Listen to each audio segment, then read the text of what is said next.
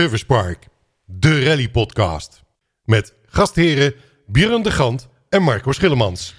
Een beetje met een, uh, met een glimlach, uh, Bjorn, uh, heb ik vanmorgen nog eens eventjes op, op Facebook zitten, zitten kijken. Ook nog eens eventjes naar, naar, het, naar het filmpje zeg maar, van, van um, Jo Muilen. En, en ook eigenlijk wel de reacties op, op onze podcast. Want daar, daar word ik eigenlijk wel heel erg blij van. Ja, hè? Dus ja. echt wel leuk om te zien dat er leuke reacties zijn. Nu in ieder geval eerst eens even een correctie, hè, zoals het uh, hoort. We gaan, we gaan daar steeds mee beginnen. Dus laat maar weten als er zaken te corrigeren zijn. Um, jo Muilen heeft ons laten weten dat hij niet in Beveren, West-Vlaanderen woont, maar in Beveren, Waas, Oost-Vlaanderen. En uh, dat is toch wel een verschil ook. dus dat moeten we toch even goed. Maar bij deze Jo, hè, je bent een Oost-Vlaming en geen West-Vlaming. En trouwens, het filmpje was uh, de begrafenis van, een, uh, van zijn aandrijfas en niet van de schokdemper. Maar het blijft hilarisch. Ik heb het, ik heb het denk ik 14 dagen geleden ook nog eens bekeken. Dus ja. echt wel Mooi is dat, hè? Ja, ja, ja, ja. het is goed gedaan. Zo, zo, Hoe kom je erop? Ja, ja, Hoe nee, kom je erop? Nee, nee. Nee is, is heel, heel leuk gedaan. En ja, hoe mensen dan, dan ja, op die manier ook weer met, met rally sport zeg maar, omgaan. Ja, ja, het is dan leuk. Ja. Nee, klopt. Um, ja, we hebben heel veel leuke reacties gehad. Hè? Ja. Uh, ik noemde net Facebook, maar bijvoorbeeld ook via Instagram. Clem Poppo, uh, die uh, is inmiddels ook een vaste luisteraar eigenlijk wel van de Benen Service Park podcast. Die, die heeft ook gezegd van super lekkere podcast, echt smullen, ga zo door. Ja, dat zijn, dat zijn leuke, leuke Wie is die? Clem Popo eigenlijk? Ik heb eerlijk gezegd helemaal geen idee wie het is. Kan die man of vrouw zich eens bekendmaken? ah, ja, ja, via Instagram. Ja, ja via Instagram uh, hebben we in ieder geval uh, contact. We en, weten uh, graag wie, er, ja. wie de mensen zijn. Ja, en... absoluut. Hè. Nou, dan Mark Schuitert heeft ook gereageerd. Superleuk, elke lekker smorgens vroeg luisteren als ik onderweg ben. Dan zijn lange ritten niet erg. Ga zo door. En statistieken zijn ook leuk. Ja, dat, dat is een compliment volgens mij rechtstreeks naar jou, Björn. Hij is zelf al, al 12 jaar, zeg maar, dat hij, dat hij rijdt. En ruim 55 wedstrijden met Wil Bruins met de Opel Astra. Ja, klopt. En ik ben eens even verder gaan opzoeken. Is net zoals wij een navigator, die, dat doet hij al sinds uh, 2008. Meestal inderdaad met die uh, Wil Bruins, um, met een Opel Astra, Volvo 850, dan in, in 19 en 20. Doen ze al 11 jaar en volgens E EWRC zijn er 58 wedstrijden die ze samen hebben gereden. Um, daarmee komen ze eigenlijk op een zevende plaats in onze Nederlandse rangschikking. Weet je nog, uh, Marco, ja, ja, ja, van uh, de vorige keer? Zevende plaats. dus dat is echt wel mooi. Hij heeft er gewoon uh, meer gereden dan ik met Hans bijvoorbeeld. en hij zei er niks over. Dat is eigenlijk wel... Ja, dat, dat is eigenlijk wel... Ja, hij zegt het nu wel in zijn berichtje, maar bij deze mooi hoor, Marco en, en Wil. En een leuk weet je ook, ehm, kwam ik ook toevallig... daarom vind ik statistieken zo leuk. Hè. Hij, ze hadden een algemene zege in de Veenhuizen groep uh, Nederland Short Rally in 2011. Mm-hmm. En dat is ook de wedstrijd die ik met Hans won. Uh, en ik vermoed zelfs mijn eerste zege ook in Nederland voor, voor Hans en mezelf. Yeah. Dat was toen met de Ford Focus WRC van Erik van Loon. Dus dat was wel... Uh, hij won, wij wonnen. Ja, Mooi ja, toch? Ja, ja, ja, ja. En er wordt wederom uh, op zijn wenken bediend met de statistieken, hè, wat dat betreft. Ja, dus, uh, ja, ja, het is dat. Hadden ook een leuke reactie van uh, Martijn Biedagen, ook een vaste klant als het gaat om het beluisteren van onze podcast. Hij de navigator, een... de navigator van Thierry Neuville. Ja, hij stuurde mij een foto vanuit het, vanuit het vliegtuig met zijn mondmasker op dat hij onze podcast aan het beluisteren was. Hij vertelt me gewoon, ik had hem deze week, straks gaan we nog een interview krijgen. Hij vertelde me dat hij gewoon van zodra de podcast online staat, dan mm-hmm. gaat hij hem downloaden. Ja. En dan, uh, dan beluistert hij die van zodra dat kan. Hij vindt het gewoon geweldig. Dus okay. dat is wel leuk, hè? Ja, ja, ja. absoluut. Ja. En dan deze morgen, hè, je zegt, ik zat ook op deze morgen Facebook, uh, ik had ook nog gezien van uh, Joost Schouten nog een reactie naar aanleiding van onze aankondiging gisteren. Ja, Joost uh, doet, doet heel veel video's en, en dergelijke. En ja, zijn, zijn echt professionele filmpjes die, die hij ja, maakt. Ja, klopt. Leuk Marco en Bjorn, ik had eerder al een of andere podcast beluisterd. Blijkt, uh, ah ja, de NL Rally, Rally Sport podcast. Ah, dat is die van jou. Hoe juist, Marco. En opeens ontdekte ik dat er een vervolg was. Um, tijdens het klussen ze stuk voor stuk afgeluisterd.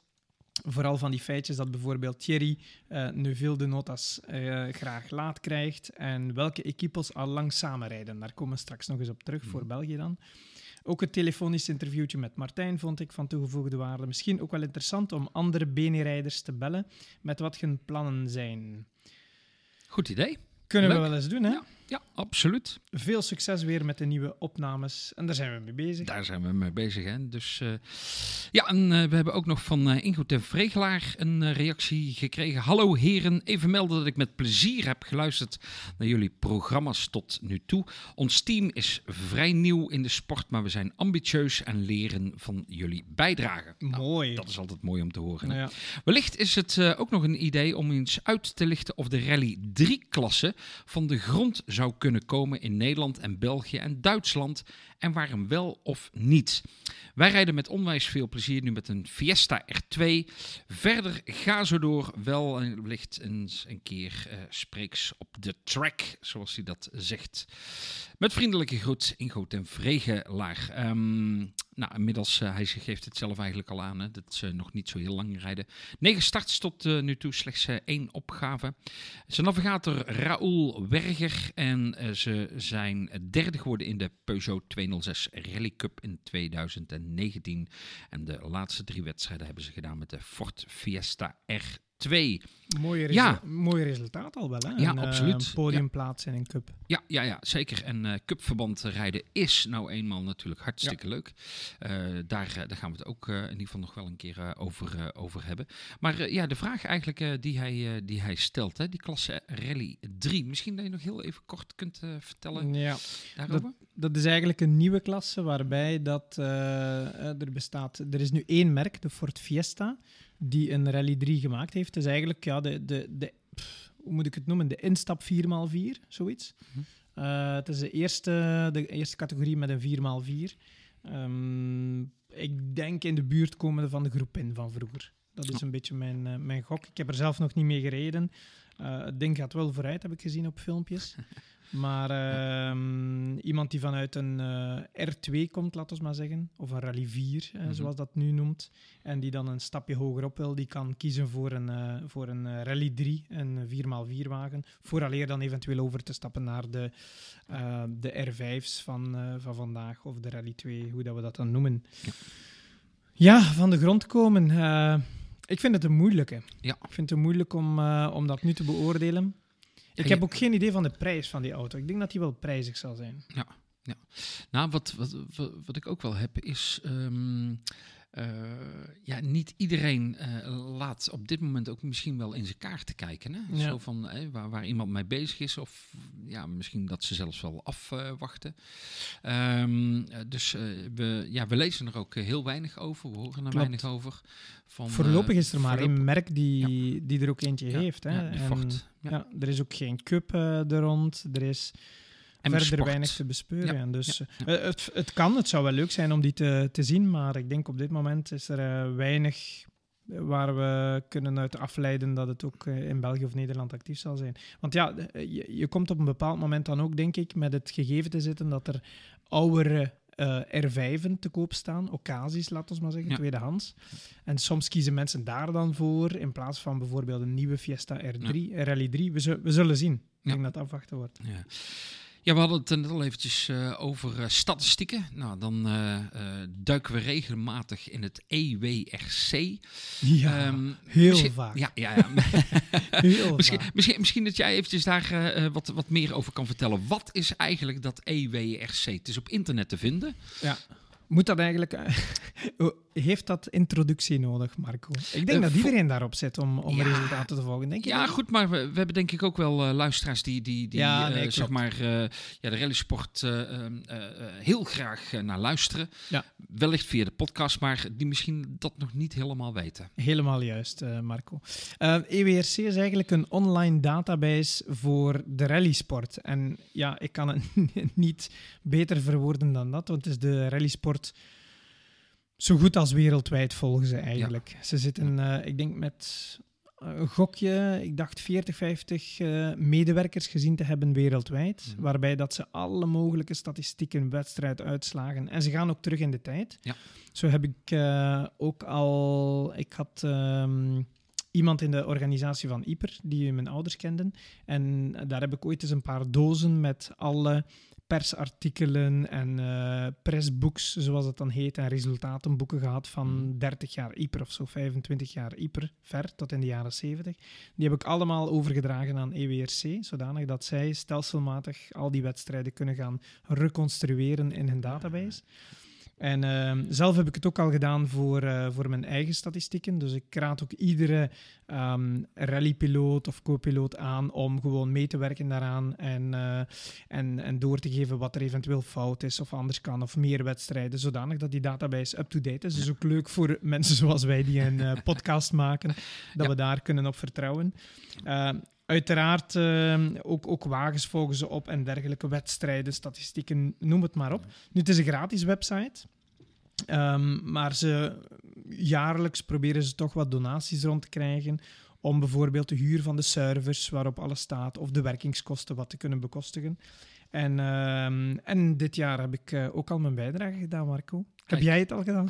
Eh, dit jaar niet. Dit jaar nog niet. Nee, ik, ik heb volgens mij twee jaar geleden. eh, want ehm, eh, volgens mij was het op dat moment zo dat EWRC heeft een tijdje stilgelegen. Dat ze dat zeg maar niet, niet up-to-date hielden.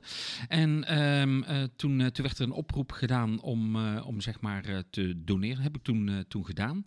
En ehm, eh, eh, ehm, eh, toen, toen waren ze eigenlijk weer met, met die statistieken weer wat, wat, wat aan het bijwerken en eh, dergelijke. En dat doen ze nog steeds. Ja. Hè, wat, wat jij al zegt, eh, gewoon, gewoon oude eh, wedstrijden toch weer ja, in, het, in de database zetten.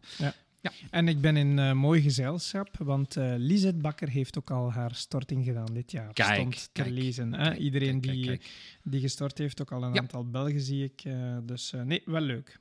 Absoluut. Heel, eh, heel mooi eh, initiatief eh, wat, wat dat betreft. En zeker als je daar gebruik van, van maakt. Waren er rallies afgelopen maand, Marco? Ja, niet in België, niet in Nederland, maar wel in Sanremo 10 en 11 april. We gaan naar Italië. Ja, precies. De 67ste editie was het inmiddels al. En ehm, voor mij was het wel een bijzondere editie ook. Want eh, ik moet zeggen, de eerste dag die was zonder de WRC. En ehm, ja, het was er natuurlijk een beetje omheen gecreëerd, hè, de WRC. De, de Sanremo Rally is eigenlijk een rally van het Italiaans kampioenschap. Het was vroeger deel van het eh, WRC eigenlijk. Eh, dan, als ik me niet vergis, dan ook nog op Europees niveau. Maar in ieder geval IRC heeft het nog eh, deelgenomen. En nu is het puur enkel en alleen nog Italiaans kampioenschap. Hè? Italiaans kampioenschap. Maar Hyundai die, die wilde daar zeg maar het een en ander gaan, gaan testen. En dat was ook de reden waarom dat ze eigenlijk dat, dat WRC er omheen eh, gecreëerd hebben. Ja. eh, en eh, geïntegreerd hebben in, in de wedstrijd. Nou, zoals duidelijk, Hyundai die domineerde na de korte KP1 met Breen en eh Crunola. Een eh, enorm sterk deelnemersveld overigens met zo'n 50 Rally 2 wagens. En ook leuk, Nicolas Gilsoul, die, eh, die was er, eh, die was er ook, ook weer. Ja, dat was de retour. Hè. Hij Ja. was, was terug plots vanuit stilte. Was hij terug aanwezig met de Corsicaan Paul-Antoine Santoni. Met de polo. Ja, die had ook al een tijdje niet meer gereden. En eh, ja, was gewoon om terug activiteit te hebben na enkele jaren inactiviteit, laten we maar zeggen. Ja. Ehm, en hij werd eh, veertiende, dacht ik. Hè? Ehm, ja, en dan eh, Maxime Potti en eh Loïc Dumont, Fiesta Rally 2. 34ste op 50 starters in de RC2. Mij zei het niet direct iets. Nee, dat zijn twee eh, jonge Belgen, laten we maar zeggen. Ehm, ik, eh, ik moet eerlijk zijn dat ik ze ook niet kende. Ik heb even moeten gaan opzoeken. Eh, Dumont, Dumont, dat klinkt bij mij wel. Daar kom Mhm. ik zo meteen op terug. Nu, Maxime Potti is eigenlijk een 22-jarige jongeman uit eh Amoir. Ehm 11 kilometer van Durbuy, om het eh, voor de Nederlanders wat te kunnen plaatsen. Durbuy zal wel bekend zijn als eh, vakantiedorp in, in, eh, van, in Wallonië. Wallonië. In. Wallonië, ja. Ehm, het is pas een negende rally. Ehm, hij heeft onder andere ook het WRC Monza gereden. Hij werd toen 70ste. Uh, maar hij doet al karting vanaf zijn negende. Dus het is echt geen beginneling op het vlak van uh, aan het stuur draaien. Dus sinds zijn zeven jaar. Ook Belgisch kampioen geworden. Daarna TRC vier jaar gereden. En dit jaar gaat hij het Frans asfalt en onverhard kampioenschap combineren. Dus hij gaat echt wel uh, wat rijden. Heeft echt wel rallyplannen, laten we maar zeggen. En zijn navigator is uh, ook geen onbekende, althans niet zijn, uh, zijn grootvader, laten we maar zeggen. Want um, Louis Dumont, voor een aantal Belgen zal Dumont wel in de oren klinken als ik zeg dat hij de kleinzoon is van Jean-Louis Dumont. En die is verongelukt in Circuit des Ardennes in 1985 met de Belga Porsche 911.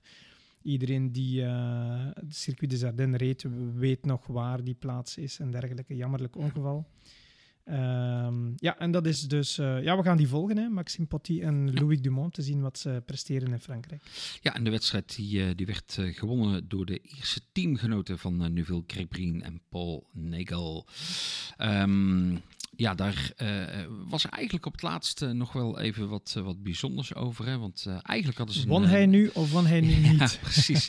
hij had 10 seconden straftijd. ja, ja 10 seconden straftijd gekregen. En dat eigenlijk bij de laatste TC. Uh, waar hij uh, waar die in uh, moest klokken. Was hij, was hij te laat, kregen ze 10 seconden voor.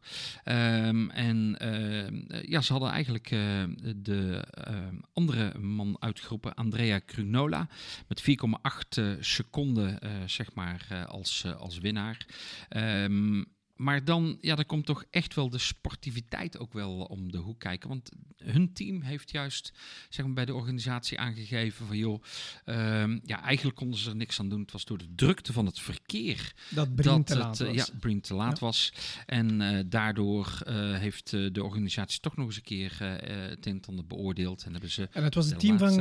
van Crugnola die het ja, aangegeven ja, heeft. Ja, is ja, wel ja, mooi. Ja, ja, ja. Dus, uh, die, die sportiviteit. Zo, ja, sportiviteit. Ja. Uh, dus, uh, maar het komt wel vaker voor hè, dat, dat mensen te laat inklokken ergens en daar een tijdstraf voor, voor krijgen. Tegenwoordig wordt er eigenlijk toch wel goed gekeken waar, wat de reden is. maar soms dan ja, is het gewoon ja, te laat is, is te laat. Klopt. Jammer. Nou, voor het 2RC-event, zoals we al zeiden, vier auto's aan de start. Neuville, Tanak, Pierre-Louis uh, Lubet en Pedro. En die man die kende ik niet, maar dat uh, is een, uh, een Italiaan. Um, nou, als je dan gaat dan moet je kijken... dat anders gaan zeggen. Pedro. Pedro, ja.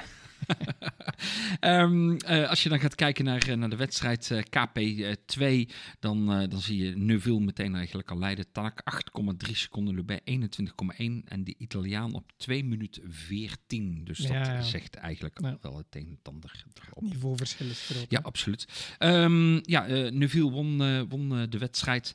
Ehm, eh, maar dat heeft hij wel eens een keer vaker gedaan. Hè? In 2011 in het IRC met de P207S 2000 van, eh, van Kronos.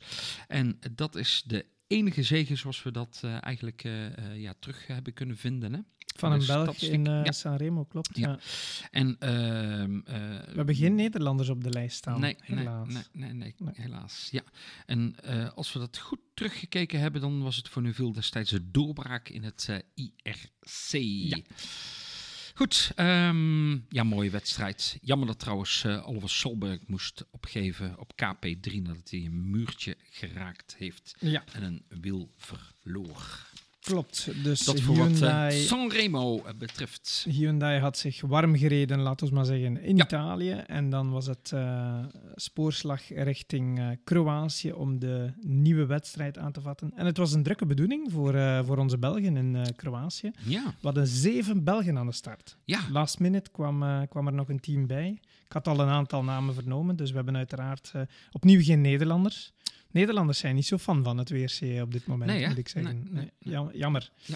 Dus ehm, het is niet dat we in deze podcast enkel over België willen bezig zijn, maar, maar dat komt wel verandering in, hopelijk. Dus nu veel Wiedagen stonden aan de start. Dat waren er al twee. Dan hadden we Renaud Jamoul, ook een vaste deelnemer als eh, navigator van uh, Adrien Fourmeau. En zij maakten hun debuut met de Ford Fiesta WRC. En die is nog eh, zeer goed gelopen ook. Dan hadden we Cedric De Checo en Jérôme Humblé. Die hebben we al een paar keer vernoemd in onze podcast. Eh, Die, dat, eh, ja, het lijken wel WRC-rijders. hè. Een derde WRC Ja. op een rij Ja. na Monza en Monte Carlo. Ja. En zij zijn ook van plan om het, eh, om het, ja, om het WRC 3 misschien af te werken. En dan hadden we ehm, iemand die uit de winterslaap kwam. Dat was Sébastien Bedoret. 26 jaar met zijn navigator uh, Thomas Welbrek. Uh, jongens die ik ken, die ik ooit nog wel wat uh, tips en tricks heb gegeven. Um, in een Fabia, maar het is de oudere versie die, van de Fabia die ze meekrijgen. Dat zijn eigenlijk officiële piloten van Skoda België. die ook begeleiding hebben gehad, of nog steeds trouwens, van Freddy Loix. Um, ze hebben de Omloop van Vlaanderen 2019 gewonnen. En het is een vierde WK-wedstrijd, eh, laten we maar zeggen. Ze hebben twee keer deelgenomen in Duitsland, één keer in Corsica. En uh, ze hebben één resultaat, dat was op het Franse eiland, zijn ze zeventiende geworden, dus wel al knap. Geen test vooraf, uh, het was gewoon om in het ritme te komen, omdat er weinig, ja, geen Belgische wedstrijden zijn. En, en dat gingen ze daar gaan, gaan doen in Kroatië. Het was leuk om nog eens te zien dat het WK 300 kilometer proeven hadden. Want uh, vaak hadden ze het gereduceerd naar 200, 250. Nu was het opnieuw nog eens uh, eh, 300. Ja, we hadden al gezegd, uh, Bert de Jong, Ton Hillen, ex-winnaars. Maar dat waren niet de enige, vond ik terug. Ook Erwin Mombaerts, onze Belg, Belgische navigator. Mm -hmm. um, waar ik veel van opgestoken heb. die heeft in, de wedstrijd gewonnen in 2002 met Kuzai, de Pool Kuzai in een Toyota Corolla WRC. Maar goed, vooraleer dat we een beetje gaan nababbelen over het uh, verslag. Uh, ik heb Martijn gebeld. En dan uh, stel ik voor dat we eens even gaan luisteren naar wat hij te vertellen had. En mijn eerste vraag aan hem was: uh, hij had zes wedstrijden nu gereden met uh, Neuville, ehm, waarvan twee overwinningen, nu de derde keer op het podium. Hij had gezegd: ja, die derde plaats ehm, die heb ik al een paar keer gehad. Dus ik heb hem gevraagd meteen van: hoe ontgoocheld ben je nu eigenlijk na deze wedstrijd? Maar een heel klein beetje misschien, omdat we toch wel dicht bij de eerste plaats uh, waren en, en aan de leiding hebben gestaan. Maar uiteindelijk uh, zijn we heel tevreden met het resultaat dat we opnieuw goed hebben in Kroatië. En uh, is een, derde plaats en de punten die daarmee slokken voor het kampioenschap ook niet te min. Ja. ja, het was een fantastische prestatie. Hè. Uh, ik zeg ontgoocheld omdat ik, omdat ik zoiets had van de overwinning zat er echt in. Maar de bandenkeuze zaterdagmorgen heeft, je, ja, heeft het verhaal wat anders geschreven. Anders uh, was een overwinning heel, uh, lag die voor het grijpen, denk ik. Ja, dat heeft inderdaad wel wat roet in het eten gegooid. En met ja, tijdsverlies ontwikkeld, ook, dat ik het ook moet zeggen. Uh, maar goed, we hebben, uh, we hebben er matuur op gereageerd en uh, die, geen extra risico's genomen om te proberen die, die verloren tijd terug te halen. We hebben wel geprobeerd om terug te zetten, maar uiteindelijk hadden de Toyota's toch telkens wel wat weerwoord. maar goed, we hebben een mooie wedstrijd gereden en we weten dat we de snelheid hebben, dat, dat het goed werkt tussen Thierry en mij en dat is het belangrijkste voor de toekomst. Ja, inderdaad. En een uh, mooie uitgangspositie voor de volgende wedstrijden. Dus dat is dan ook weer uh, meegenomen. Um, uh, het was ook een hele mooie wedstrijd van wat ik kon zien op de beelden en dergelijke. het deed me ook aan van alles denken, aan, aan, aan Barum. bepaalde stukken in België kan ik ook wel daar plaatsen. Het was ook ehm, met kleine jumpjes. Het was heel gevarieerd, heel complex, heel moeilijk. Hoe, hoe ervaar je het zelf en waar plaats je deze asfaltrally tussen alles wat je al gedaan hebt? Uh, ja, het komt dicht bij, uh, bij Baren, maar misschien nog iets meer twisty uh, dan, dan de meeste proeven in Baren. Er zijn, de, er zijn een tweetal proeven die iets atypischer waren voor de Baren Rally, waar het iets meer bochtig was en zo. -hmm. Ik denk dat daar dicht bij aansluit. Maar ja, zeker dat het een zeer, zeer, zeer moeilijk en complex rally qua parcours was. En het was een echte challenge, een, een grote uitdaging voor zowel uh, zo, zowel de piloot als co-piloot. Dus, uh, maar echt een, heel mooi parcours met een super mooi profiel. Ja, dat, uh, zo zag het er ook uit. En ik moet zeggen, ik heb je onboards of toch een aantal stukjes gehoord. En ja, echt, echt knap hoe dat je het daar allemaal voor elkaar krijgt. Maar goed, je zit in een goed ritme. Nu, ik heb nog één vraagje voor jou. Hoe werkt het eigenlijk met ouvreurs, met mensen die de weg voor jullie openen? vertel eens, hoe, hoe werkt dat precies? Wel, wij hebben dus een vaste equipe die bestaat uit uh, Bruno Thierry en uh, Julien Vial. Mm -hmm. Dat zijn de ouvreurs die al een heel aantal jaren voor Thierry werken. en dit, ook dit jaar met mij aan de slag gaan. die mensen gaan tussen 1 uur en 2 uur voor dat wij op de proef zijn, gaan zij over de proef met onze notas. Ja. Met een kopie van onze notas. En zij gaan eigenlijk gaan visualiseren hoe dat de proef erbij ligt. Eh, dus wij, wij proberen zo specifiek mogelijke notas of gedetailleerde notas te maken op de verkenningen. Maar die, de toestand van de proef kan altijd evolueren tijdens, eh, de, allee, tijdens de periode tussen de verkenning en de, de rally zelf. Ja. Uh, dus zij gaan dan opmerkingen gaan toevoegen, bijvoorbeeld iets die wij als een gewone coupure beschreven hadden. En we kunnen iets meer couperen, gaan zij dan gaan veranderen in een max bijvoorbeeld. Of ze gaan toevoegen dat er gravel op de weg is, of dat er sporen zijn, of dat er in de ene bocht wat, wat vochtigheid is of zo. Dus zij gaan echt de toestand van, van het parcours op het moment dat zij op de proef zijn gaan, ze gaan beschrijven. En uh, die aanpassingen worden dan doorgestuurd naar mij en ik pas het dan in de notas. Zodat we echt een, een up-to-date uh, notas hebben met, uh, met de laatste toestand van de weg. En die bellen ze dan door of er worden foto's doorgestuurd of hoe gaat dat?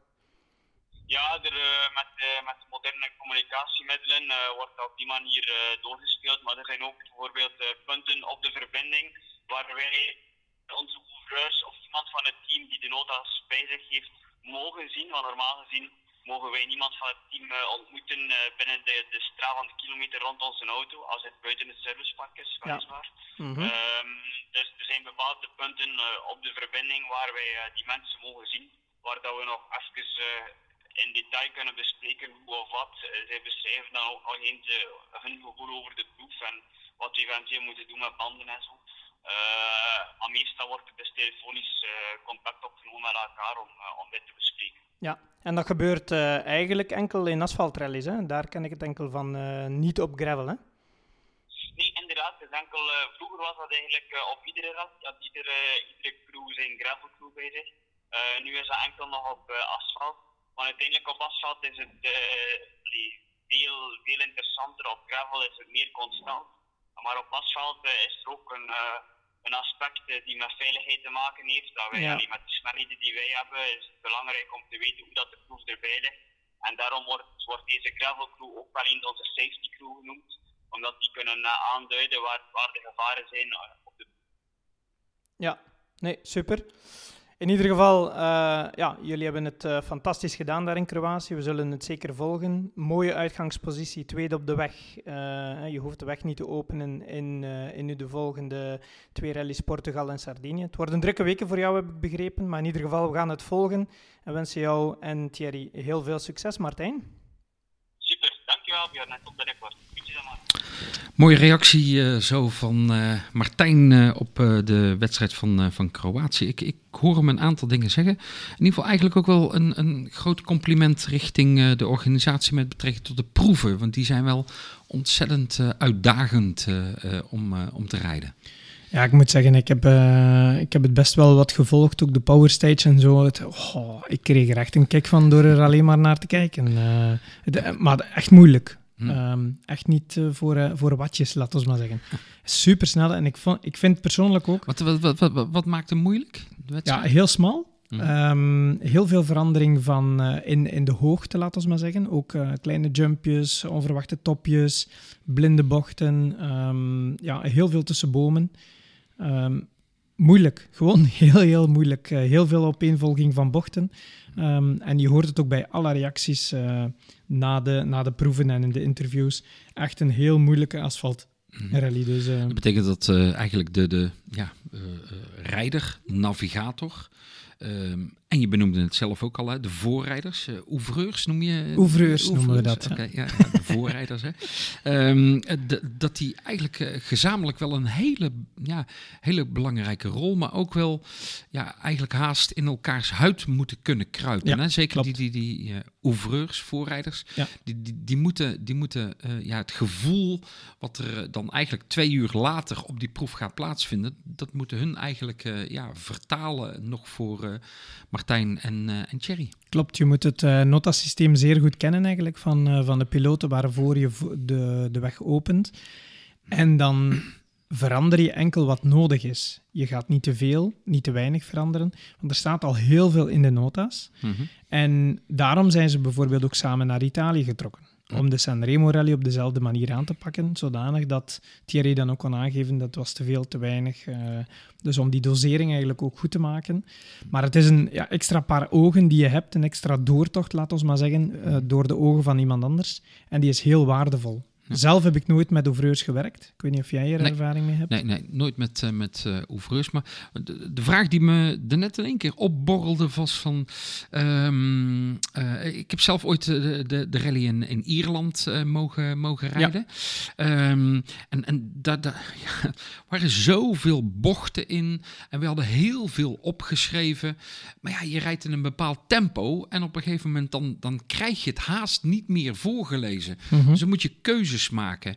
Uh, op het moment dat de voorrijders of rust, dat die ook nog eens een keer dingen gaan toevoegen. Ja, dat is de moeilijkheid. Dan, dan, dan, dan, ja, dan moet het echt wel iets essentieels zijn. Want anders dan, dan, ja, dan krijg je het gewoon niet opgelezen. Toch? Nee, nee, maar ik hoorde in een, andere, in, in een ander interview dat Martijn ook zei van uh, Thierry en, en hij zelf hebben enorm gewerkt aan het ook simplifiëren van, van nota's.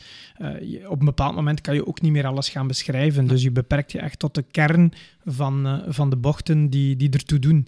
En wat je eigenlijk kan zien, ik, in het Engels heb ik dat geleerd, dan gebruik je C, of, en wij, wij gebruiken dat nu ook in, met Bob bijvoorbeeld, of met, met Hans, Z 180. Dat betekent dat daar een paar kleine bochten tussen zitten, maar die allemaal onbelangrijk zijn. En dan gaan we gewoon C50, C70, C100. Ah, en dan, ja. dan geef je eigenlijk aan, er is iets te zien, maar je kan erover kijken en we gaan onmiddellijk focussen op de volgende. Ja, ja. Dus, dat, is, dat is eigenlijk wat je, wat je normaal gesproken zou zeggen, en, en flat links, into een flat ja, rechts, zoiets. into een flat links, into een flat links, into een flat... Dan, dan, dan zeg, zeg, je, gewoon Z150 en dan ga je de volgende bocht in. En zo krijgen, krijgen zowel uh, piloot als, als co-piloot eigenlijk even ademruimte. En, en dat kan helpen. Ik weet nu niet of ze deze manier toepassen, maar dit is een die, die wel toegepast wordt, die wij ook toepassen. Ja. En, uh, en dat geeft wat uh, extra ademruimte. Ja, hmm. ja dan, uh, ja, dan gebeurt er heel veel in, in die wedstrijd. Hè. Er wordt, wordt echt op, op het scherpst van de snede dan, dan gereden. En dan ja, de afsluitende power stage. Oh, op het puntje van mijn stoel. Heb jij hem live gevolgd? Wij nee, kunnen die volgen op... in, in België kan je die volgen op de RTBF. Dat is de, hmm. het Franstalige nationale tv. Maar je kan die op OVO, uh, noemt dat dan, uh, op, op online volgen. Die volg ik iedere keer. En het, ja, het was zo gigantisch spannend. Ik vind het niveau van het WK vind ik zo hoog. En ja, ik dacht uh, voor het einde van de... Dus Evans stond aan de leiding met 3,9 voor op Ogier, als ik het goed herinner. En een 8 seconden voor op, op Neuville. Dus in de proef was het moeilijk om het verschil te maken, maar ja, dan heb je Mr. Powerstage uh, Ogier, die dan toch weer uh, met uh, ja, iets ongelooflijks doet in die, in die afsluitende Powerstage. En hij wint dan met 0,6 van zijn teamgenoot Evans. Die maakt een heel klein foutje. Um, die hem waarschijnlijk nog de overwinning kost. Uh, het is trouwens de derde krapste zegen. 0,6. Kan je je voorstellen, na 300 kilometer, 0,6 seconden. Ja, het is de derde krapste ja. zege in de geschiedenis van het WRC. De krapste staat trouwens ook op naam van Ogier. Dat was in Jordanië 2011. En toen won hij de wedstrijd met 0,2 seconden voor op Jari Matti Latvala, de, de teammaas momenteel van Toyota. En het grappige was, mm -hmm. ik was daar.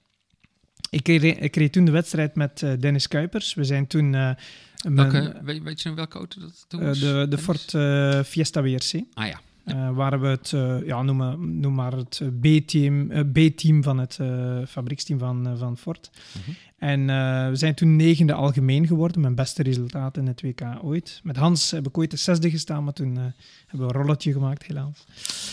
Um, maar de spanning was te snijden. Wij stonden daar aan het wachten en dan zag je aan de ene kant Ogier uh, en, en zijn team en uh, Latvala, die, ja, dat was, die waren echt... Ik mag niet zeggen op van de spanning, ik bedoel, wij voelden die misschien wel meer, maar je zag die volle concentratie, je wist ja. dat het daar zou gebeuren. En, uh, ja, en die, die die deed het dan. En Latvala stond bekend om echt een toptijd neer te kunnen zetten, zeker op één proef. die was ook bloedsnel. Ja, dat was, dat was gigantisch, ja. Power Stage heeft, heeft wel, wel wat toegevoegd hè, aan, uh, aan het uh, WRC. Ja, ja, Hm? Absoluut. Uh, het, je hebt toch, het wordt online gebracht, op het wordt in tv uitgezonden. Je hebt die extra punten die te verdienen zijn, 5, 4, 3, 2, 1 voor de eerste vijf. zowel voor de constructeur als piloot. En het geeft wel een extra dimensie. Gaan ze dus nu ook toepassen op de tweedaagse wedstrijden in België. Hè? Ja. Dus dat wordt wel, wordt wel leuk. En ja, soms, soms zijn de verschillen groot en dan kiest de de leider voor een eh, iets rustiger powerstage. Ja, nu was het drie piloten die nog konden winnen. Dus uh, je wist, uh, ik wist op voorhand dat het heel spannend zou worden. Het was ook een moeilijke powerstage. En er kon van alles gebeuren. En dat is ook gebeurd. Kleine foutjes, links en rechts, ook nu viel even rechtdoor. Um, alleen ja, die Ogier, als het erop aankomt... En zeker na de morgen die hij gekend heeft, hè. Hij uh, kende een vervelende morgen. ja, ik, uh... klopt, uh, klopt inderdaad. er was ja, eigenlijk meteen de, voor de eerste proef zeg maar van de zondagochtend. Um, nou, als je een beetje zeg maar, de rallysport volgt, dan heb je het volgens mij uh, zelfs als je het niet volgt. Uh, ik wou net zeggen, dan, mijn, buur, mijn ja, buur sprak ja. mij s'avonds aan. Wat is daar gebeurd in Kroatië? die volgt de rally totaal niet. Nee. Die weet wel dat ik het doe. Ik ging met de hond wandelen en die vroeg naar Roger. Ja, bij mij ook verschillende mensen die, die zeiden van... heb je dat filmpje gezien? nou, ik, ik heb ze inderdaad vanuit alle hoeken, vanuit onboord gezien, zeg maar. Maar ook vanaf de zijkant. Ja, wat voor de mensen die het dan wellicht niet gezien hebben... of het filmpje niet goed gezien hebben... want uh, dat, dat is ook wel zo. Wat gebeurde er nu eigenlijk? Auger die, uh, die staat uh, met de Toyota staat eigenlijk voor het stoplicht te wachten. Er staan drie auto's naast elkaar. Hij zit in de middelste baan. Hij trekt behoorlijk snel op op die middelste baan. En eigenlijk op het moment dat hij ja, flink opgetrokken is, zien, zien ze aan de rechterkant zien ze een bushalte. Bij die bushalte uh, bedachten ze, of net daarvoor, van joh, uh, daar willen we de auto even wegzetten. Want we, we, weten iets niet of dat het goed gebeurd is in het servicepark. En dat willen we even checken. Dus wat doet hij eigenlijk? Hij, hij trekt ontzettend snel op. maar eigenlijk net op die, die ja, nou, topsnelheid zal ik niet zeggen. Maar wel dat hij wellicht gaat overschakelen. Besluit hij dus om naar rechts toe te gaan. En daar naar die bushalte toe te gaan. En dan eigenlijk over de meest rechtse strook heen naar die bushalte toe. Maar er was ook een, uh, ik verwacht misschien wel een, rally-fan, uh, die uh, met een BMW ernaast stond en die dacht van, hey, wanneer krijg ik de kans om eens een keer, zeg maar, op, te trekken. op te trekken samen met, in dit geval met Auger. Dus die deed dat ook. die had een lichte achterstand, maar doordat Auger zeg maar in de remmen ging en gelijkertijd naar rechts toe ging, en die rijder die had dat dus niet in de gaten. Die, ja, die, die was aan het opstomen. Die heeft alleen maar gas bijgegeven. En die heeft helemaal niet in de gaten gehad dat Auger naar rechts toe kwam. En uh, ja, daar hebben ze elkaar uh, behoorlijk uh, geraakt. Ja, in de rechter, flank, ja, ja, in de flank. rechterzijkant zat van de auto in elkaar. Ik heb begrepen dat de rijder van de BMW niets mankeerde. Maar de auto zelf toch wel behoorlijk ja, wat, wat schade heeft gehad. ze hebben het, heb begrepen, met een etentje inmiddels weer wat, uh, wat uh, bijgepraat en uitgesproken met, uh, met elkaar. Um, maar ja, zoals, zoals ik al zei, het heeft ja, zowat elke krant, elke medium wel. ja, en vooral ook, vooral ook het tweede filmpje met dan Augier die wegrijdt ja. en zo gezegd bijna de politieagent omverrijdt. Ja, ja ik denk dat we dat ook in zijn context moeten plaatsen. Eerst en vooral, hè, ik denk dat, dat eh, mensen die rally rijden, die weten dat er is tijdsdruk. Je moet op een bepaald moment je inklokken om dan je proef te halen of je hebt straftijd. Uh, we weten dat het allemaal heel close was. De, er, er, was iemand van het team van Toyota was er ondertussen bij. De politie, blijkbaar had een aantal politieagenten gezegd, het is goed, je mag gaan. Een andere stond er dan nog voor de zenuwachtigheid misschien een beetje bij Augier van ik moet verder naar de proef. En die heeft gewoon heel zachtjes vooruitgereden om duidelijk te maken, kom jong, aan de kant, ik moet er vandoor. Ja. En uh, ja, tuurlijk wordt het opgepikt door nationale pers en uh, was het ja. overal uh, te zien. Ja, ja. Ik had overigens verwacht dat hij er toch niet zo mee weg zou, zou komen. maar ehm, zoals je eigenlijk al, al zelf zegt, er was inmiddels overeenstemming met de lokale autoriteiten daar, daarover. Heeft nog wel een staartje gehad. Een staartje van uh, 5000 euro uh, boete uh, door, door dat ongeluk. ja, maar dat is dan door de eh, FIA eigenlijk, hè? Ja. door de rally-afdeling, laten we maar zeggen, die dan Ja. beboeten. Ja, klopt. Dus 5000 euro boete heeft hij daarvoor gekregen. En ik heb begrepen ook nog een jaar voorwaardelijk eh, daar, eh, daarbij. Net zoals Tanne. Ehm, ja, en toen even later, eh, ehm, eh, want ja, als ze je dan eenmaal op de korrel hebben, dan eh, is dat ook zo. Ehm, eh, kwam er, of dook er ook in één keer een filmpje op van dat Auger bij een rood stoplicht, zeg maar, aankwam rijden. En dat hij daar heel langzaam, zeg maar, wat verder doortrok. En toen goed naar links en rechts keek, de weg was vrij en ja, toch wel door rood licht heen ging. Ehm, nou, daar kon de FIA ook niet omheen. En eh, dat leverde nog een keer 2000 euro op. Dus ehm, het heeft hem wel eh, de titel opgeleverd, want eh, daar is voor de rest niks in gebeurd. Maar wel eh 5000 en 2000 euro boete dus. En ook wel een jaar voorwaardelijk. Ja. Dus, maar ehm, ja, ik herken dat wel. Dat, eh, die, die, die, die druk, zeg maar. Ja, je moet, eh, het is heel belangrijk dat we de verkeersregels respecteren. Daar eh, kunnen we voor uit wedstrijd gezet worden, beboet worden. Dat is ook maar logisch. Maar het is, ja, het is menselijk om, om, om, om ons toch te haasten naar de proeven toe en te zorgen dat we op tijd zijn. Dus ja. Ja. Maar we hebben de verkeersregels te respecteren, laat dat duidelijk zijn. Ja. Dat, dat klopt. Nou ja, duidelijk als we dan gaan kijken naar, naar de wedstrijd. Hè. Toyota was de beste. Ja, daar is geen discussie over. Eh, de leider Rovanpera die donderde er wel snel af. Na, Ja, ki- na zes kilometer of zo. Ja, ja. zes kilometer lag die eraf. Oh, dat, dat klinkt wel trouwens herkenbaar hoor. Eh, Vertel. nou, het is zo, ik, eh, ehm, eh, ik heb ooit eens een keer, dat was met Gerwin Biesheuvel. Ehm, een wedstrijd, eh, dat was eh, Tour de Luxembourg. Dus in eh, Luxemburg reden wij. Ook een mooi parcours. Ja, prachtige wedstrijd. Verschillende keren gereden. En wij reden daar toen met de, ehm, eh, de Fiat Seicento reden wij daar. En wij hadden heel de week, mochten we daar ook verkennen. Dus, dus echt alles goed opgeschreven. En joh, nou, eigenlijk gewoon heel erg leuk. En wij, wij gaan van start op de allereerste KP. Ja, ik denk dat wij nog geen twee kilometer onderweg waren hoor. Dus eh, wij komen aan in een, in een flauwe rechtse bocht. Maar in die flauwe rechtse bocht zit er eigenlijk een opsteek naar, naar boven toe, rechts.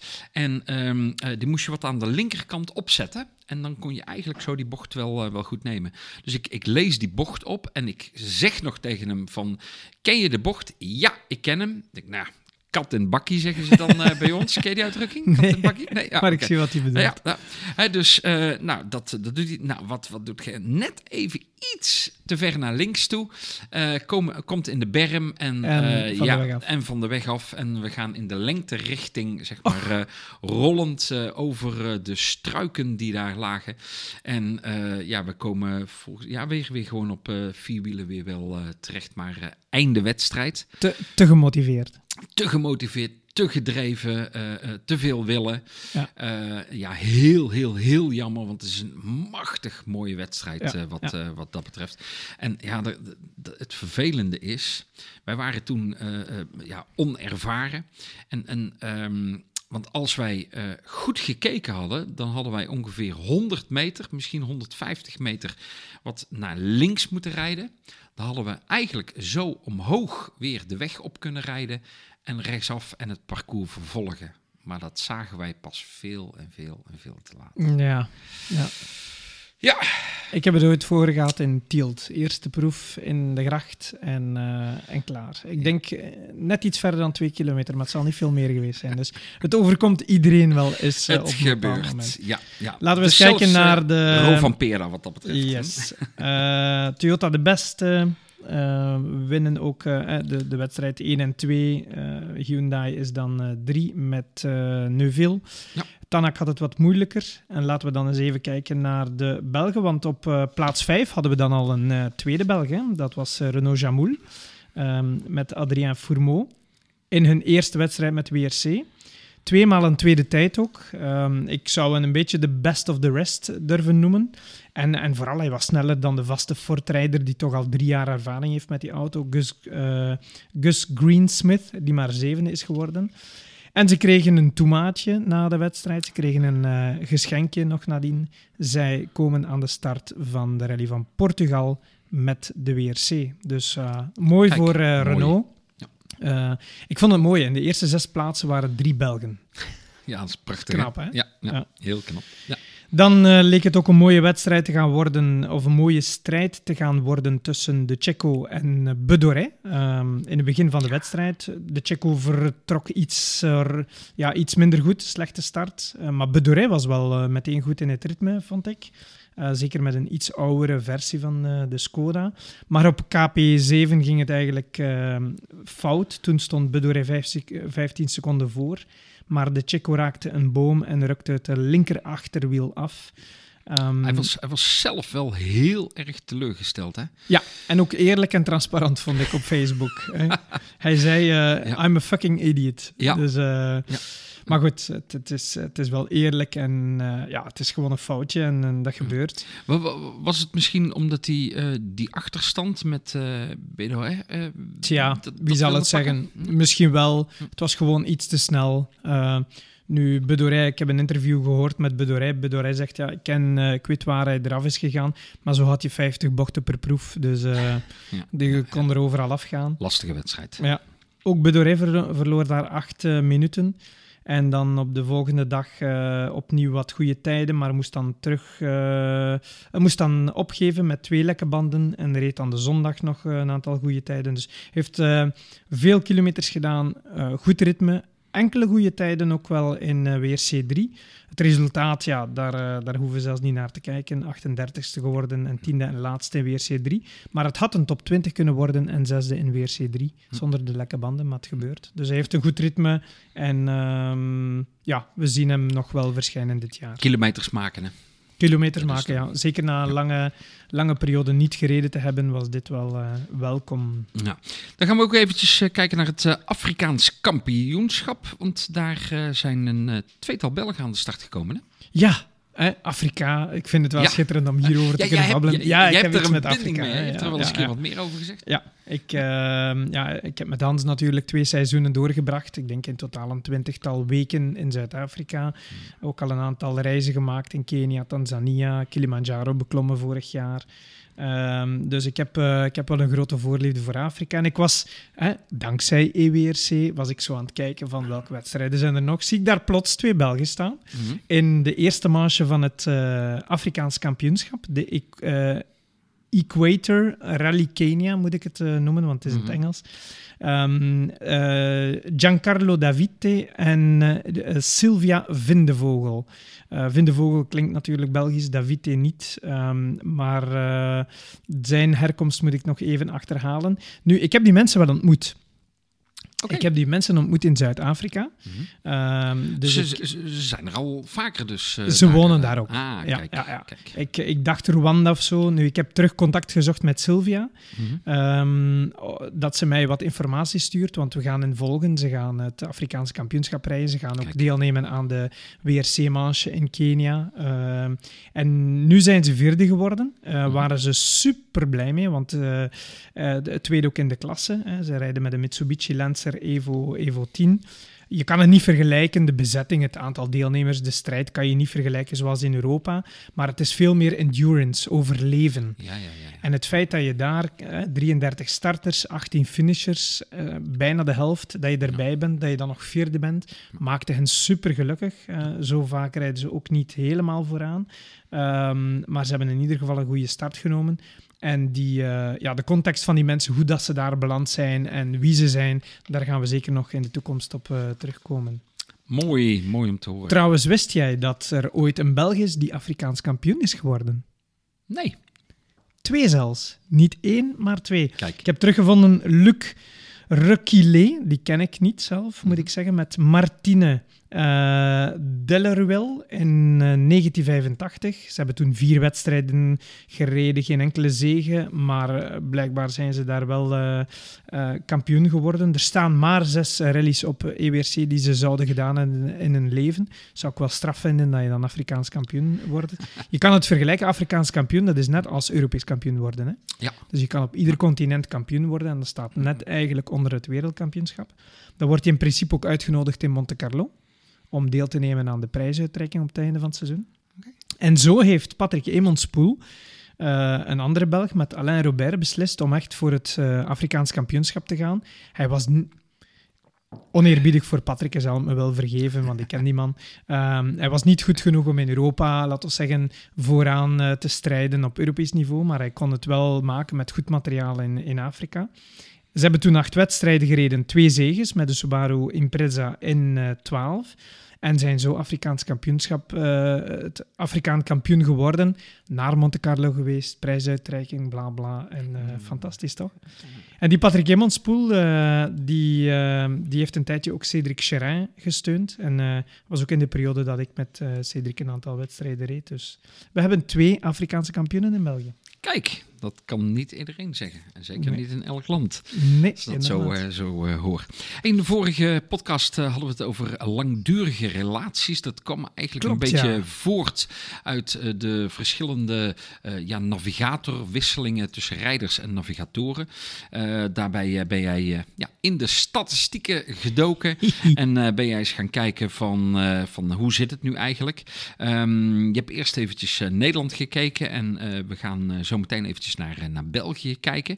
Ehm, maar wat ik zelf wel heel leuk vond, eh, je bent ook eventjes in, in onze statistieken gaan, eh, gaan, gaan neuzen. Ja, we ko- En- konden toch niet achterblijven. Hè? We moesten toch even kijken van hoe zit dat nu eigenlijk met onszelf? Ja, nou dan, dan zie ik dat jij eh, 188 wedstrijden inmiddels gereden hebt. Ja. Die van mij die staat op 117. Die, Op eh, W- EWRC op EWRC, hè? ja, ja, En precies. jij dacht dat het er meer waren, ja, of niet? ik, ja, dat weet ik wel zeker dat het er, eh, dat het er meer eh, zijn. Dan eh, ga ik Ehm. ook voor jou de raad. Lijst dat eens op, man, en stuur dat eens door naar EWRC. Dat ga ik, eh, dat ga ik, zeker, eh, ga ik zeker doen. Want ik heb, eh, ik heb heel veel uitslagen inderdaad nog, nog wel ergens liggen of opgeschreven. dus dat gaat, gaat komen. Ehm, maar wel mooi om te zien dat, dat jij hebt met 28 eh rallypiloten gereden. Ik met eh, 21. Ja, weet je nog? Je zei ooit eens in Mhm. een van de podcasts, in, een van, in onze lange reeks van podcasts, zei ooit eens van, van ja, ja, ik heb met heel veel verschillende mensen gereden. En toen zat ik al te denken van, dat moeten we toch eens uitzoeken, want Ja, ik heb ja, ja. ook dat gevoel. Ja, ja, ja. Dus- Nou, nou ja, jij blijkt er nog met meer eh, gereden te hebben, in ieder geval volgens deze, deze statistieken. 21, eh, ik vond zelf al, een, dat is in ieder geval al, al een hele, hele hoop. Maar eh, het leuke is dat ehm, eh, je hebt er ook nog een, een top 3 van, van gemaakt, hè? Ja, van de mensen waar eh, zowel jij als ik het eh, langst mee gereden hebben eigenlijk. Hè. We hebben, ik heb daar een Ja. top 3 gemaakt. Ja. Ja, ja, ja precies. Hè? Hoe zit dat bij jou eigenlijk? Nou, op, eh, op de derde plaats is Han Hoendevangers. Eh, heb ik eh, veertien keer een eh, wedstrijd mee, mee gereden. Heb ik ehm, ehm, eh, met, ehm, eh, hoe heet het ook weer? De, de BMW, die BMW die 2002. Eh, dus echt een, een prachtige eh, oude, oude Bayerische rally, motoren ja, werken. Ja, oh, prachtig. Heb ik, hoe heet het, boekle, de, de Spa, zeg maar, mee, mee gereden. Volgens mij Ieper heb ik ook mee, mee gereden. Ehm, Allemaal en- terug te vinden op EWRC. ja, maar- ja, ja, ja, precies. En eh, daarnaast, eh, eh, ja, de mooiste wedstrijd wat ooit in mijn dromen was, heb ik met Han mogen, mogen rijden. Was met de Mitsubishi, de Evo 10. Eh, was in 2016 eh, de rally van Duitsland, de WK-rally. Eh, daar, eh, om, Trouwens eh, was er over laatst geen filmpje van jij en Hoen in de Wallonie of zo. Dat was de Wallonie, Ja, ja. dat was wel knap. ja, ja, ja. Het tijdverlies was heel beperkt, maar toch even de gracht gaan opzoeken. Zo, echt. wij, wij, ik, ik kan het me nog als de dag van vandaag herinneren. Zeker als ik dat filmpje weer zie. Wij, ehm, eh, wij waren, we waren nog maar net onderweg. Volgens mij was dit de, de vierde of vijfde bocht, eh, zeg maar, die we, die we hadden. En eh, het, was een, het was zeg maar een haaks links eh, bocht. En net niet goed aangesneden, dus op, het, op het vuil. En we glijden eigenlijk zo de sloot in, de Het gracht was, in. geen, het was geen diepe sloot, hè? Nee, nee, nee, nee, nee. Maar ja, echt joh, omhoog stuiteren en doen. Ja. En je zag het ook aan de reacties van eh degene die erbij stonden. Hè, van, eh, wow, wat, eh, wat gebeurt er hier? Dus maar met, met Han Hoendervangers 14 keer, 19 keer met Ferdi Biesheuvel. Daar heb ik eh, ehm, eh, allemaal met Subaru gereden. Een N12B, een N14 en de WRC heb ik met, met Ferdi mogen, mogen rijden. Ja, ehm, eh, ik weet niet of dat ik het wel eens een keer benoemd heb in de podcast. Maar ik heb ehm, de, de mooiste wedstrijd, en met, eh, vond ik toen op dat moment de, de, de, de mooiste auto, eh, was eh, toen die Subaru, die N14, heb de East Belgium wedstrijd gereden. Ja, ja. ja, prachtige wedstrijd. leuk. en ja. wie staat er op één? Ja, precies. Anton Moré. Anton Moré, 28 wedstrijden uh, met hem uh, gereden. En uh, dat is eigenlijk al met de Ford Escort. eerst met de RS2000 en later met de BDA-motor erin. ja, lieve leed met elkaar gedeeld. ik, ik kom, normaal gesproken heeft hij ook altijd één keer per jaar de zogenaamde oliebollen party. Dat is, dat is altijd op de 30 december, zeg maar. En ja, geweldig. dus ehm, ja, ik, dat is een mooie top 3, hè? Ja, absoluut. Ja, die van jou die ziet er ook leuk uit, hè? Ja, Bob de Jong op 3. Uh, eh, met Bob de Jong heb ik 22 wedstrijden tot nu toe gereden. Ik ga ervan uit, ik ben bijna zeker dat het nog gaat stijgen. Misschien ja. ga ik wel zelfs met Bob naar de tweede plaats. En hij deelt momenteel de plaats met Albert van Tournen Taxis, een Duitser, die, mhm. waarmee ik het Europees kampioenschap twee jaar heb gereden. En dan uh, drie jaar in totaal, denk ik. Dus 22 wedstrijden. Op twee Stefan Boelens heb ik een viertal jaar mee gereden. 28 uh, eh, wedstrijden. Zijn we een aantal keer Belgisch kampioen in ons klasse geworden. Samen. Uh, eerst in de Cup, in de Citroën Cup, de C2 Cup. En dan ook eens met een BMW. En dan uh, uiteraard, zoals reeds gezegd in de vorige podcast, met Hans 52 wedstrijden. En ook daar gaan nog wel een aantal wedstrijden bij komen. Dus dat is uh, mijn top 3. Ja. ja, je staat, uh, als je dan gaat kijken in Nederland, sta je op de achtste plek, zo, zo te zien, als langdurige relaties. Hè? Ja, klopt. dus 52 keer sinds 2009 tot, tot heden. Um, maar we hebben daar nog een correctie op, hè? Ja, uh, zoals we daarnet in het begin hebben gezegd, hè, Wil Bruins en uh, Mark Schuitert komen de top 10 binnen, laten we maar zeggen, op de zevende plaats. Uh, tenminste over de, de, de, zaken waar wij over beschikken. Dus we hadden Jan de Winkel op 1 met Radboud 100 maal, Henk Vossen en Johan Vindhammer op 2 met 90 maal samengereden. Dan Henk Vossen opnieuw met Piet Teunissen op 85 maal samengereden. En dan hadden we Jasper en Martine, uh, Bert, Bertram en Chris en Erwin en Theo. Hadden we dan Erwin Dokter en Theo Badenberg hadden we dan op zes. Dat was zo wat de situatie. Dus laten we zeggen, het langste dat we gevonden hebben zijn 100 wedstrijden. Ja. En dan was ik heel benieuwd hoe dat het in België zat. Hè? Wel eventjes ook, eh, mochten er uh, luisteraars zijn van de podcast die zeggen van... joh, uh, um, daar, daar zitten nog correcties op. Hè? Dus uh, we hebben dat van Mark Schuit ook doorgekregen. Dus kom er vooral mee. laat het ons weten, want dan gaan wij aan het begin van de podcast natuurlijk... onze zonden die we gemaakt hebben in de vorige podcasts... gaan we zeg maar daarin bespreken. Ja, de situatie in, in België. Um, uh, hoe zit het daar met langdurige relaties? Drie bladzijden heb ik. ik zie het, ja. Echt, maar we gaan, uh, we gaan niet alles... die heeft overuren gemaakt. Ja, ja klopt. Nee, ik had, ik had sowieso heel veel suggesties gekregen om, om te onderzoeken van zijn ze langdurig, zijn ze niet langdurig. Dat heb ik allemaal uitgepluist. altijd op basis van EWRC, dus mijn excuses als dat niet helemaal klopt. Ik heb me gebaseerd op EWRC en dan had ik eigenlijk nu 42 teams heb ik hier staan. Um, een aantal teams die mij voorgesteld zijn geweest, hebben niet echt een, uh, een echte langdurige. Uh, Thibaut Spellebeen, Jennifer Amboer, die nu trouwens voor Hyundai werkt als ingenieur. Um, die hebben zeven keer samengereden, dus uh, daar begint het eigenlijk mee. Dan uh, ga ik iets hoger in mijn lijst. dan komen we eigenlijk, ik wil me beperken tot een top 25. Mm -hmm. We hebben Philippe Barbier en Jean-Pierre Provoost 39 maal samengereden. Kan al tellen eigenlijk, en daar staan ze slechts mee op de 25e plaats. Ja. De papa van uh, Thibaut, die ik daarnet vernoemde, Patrick Spillebeen met Geert Kazier, 45, uh, samen, maal samengereden op 24.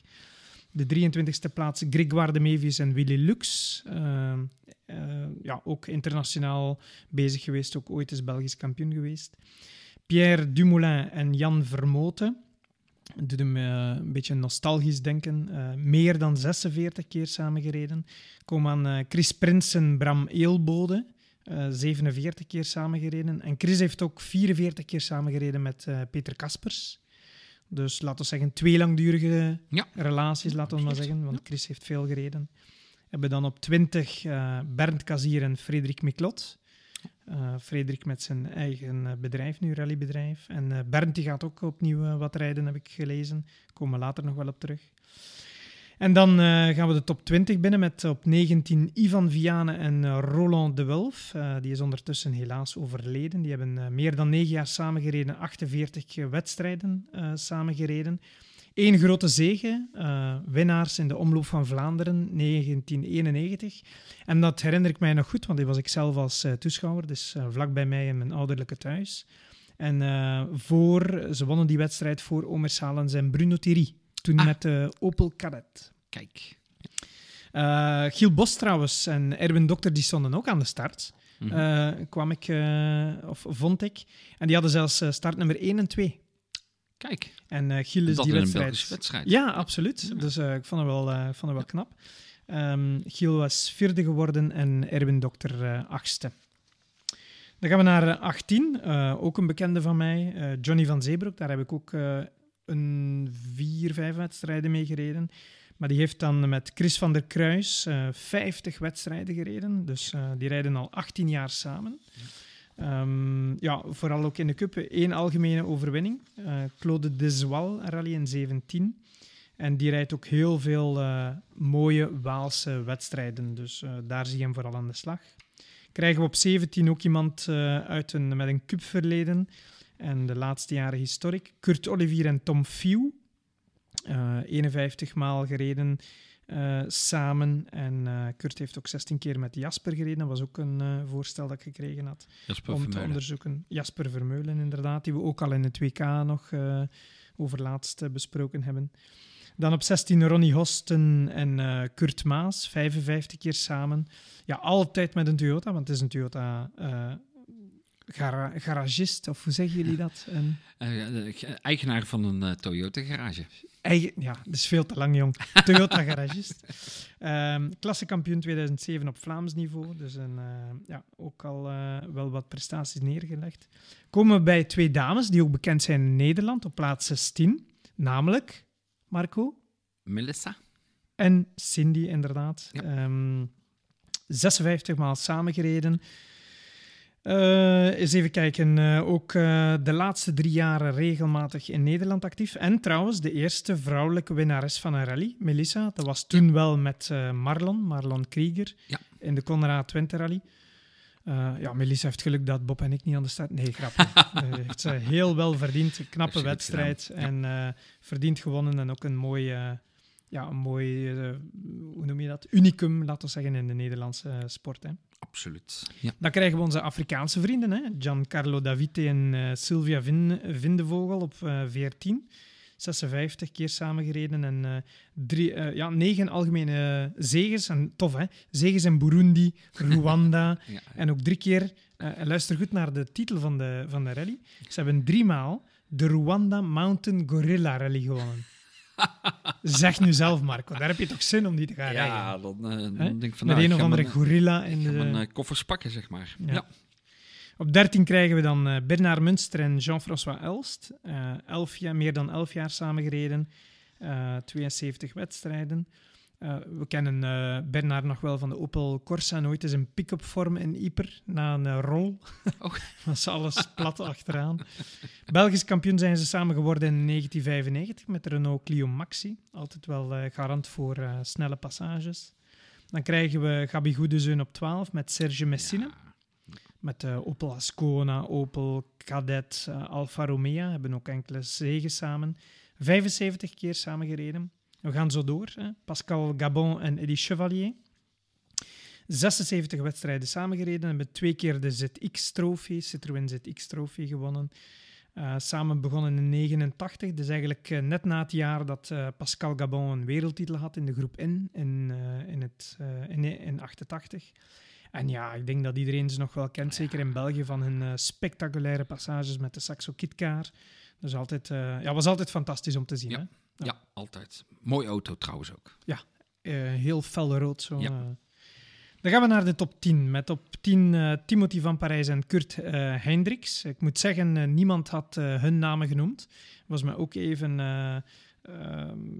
uit het hoofd geschoten. Maar het was mijn vrouw die me attent maakte van... Kijk. Denk eens aan Tim en Kurt, die rijden ook lang. En inderdaad, 88 maal. Sinds 2004 rijden ze al samen. Ja. En ja, de Porschisten, 9, de 996 en 997 krijgen we dan Marc Soulet en Philippe Willem, 89 keer samen.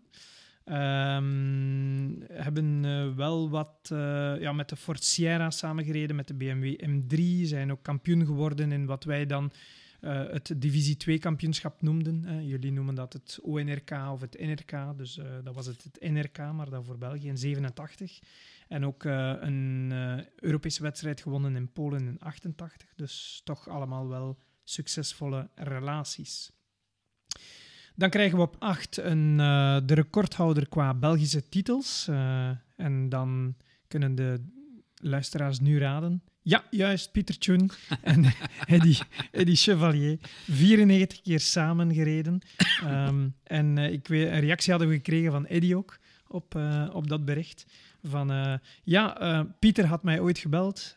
Het zou voor een eenmalige wedstrijd worden. en kijk, ze gaan die 94 nog wel aandekken met een aantal wedstrijden samen. Ja. Ook een paar keer aan de start geweest in Nederland, hè? Ja, zeker. Ja, leuk vent trouwens, Eddie, Eddie Chevalier, de navigator. Ja. Um, en, en, mooi te zien dat hij al 94 wedstrijden dan met, uh, met Pieter gereden heeft. Maar met Pascal Gaban dus ook 76. Hè? Dus die... Uh, ja, ja. ja, ja, heeft wel... dan, ja. ja, die heeft wel zijn kwaliteiten en die wordt wel gewaardeerd door een aantal piloten. Hè? Ja. Dus, maar Pieter en Eddie hebben ooit in Nederland enkele keren aan de start gestaan. En het was meteen raken. En de Golden Tulip 2004 wonnen ze tegen... Ik denk... Um, Dennis? Nee, waar jij een podcast over gemaakt hebt. Allee, Oh, Erik Wevers. Erik ja, Wevers. Ja, ja, ja, Ik denk dat hij... Uh...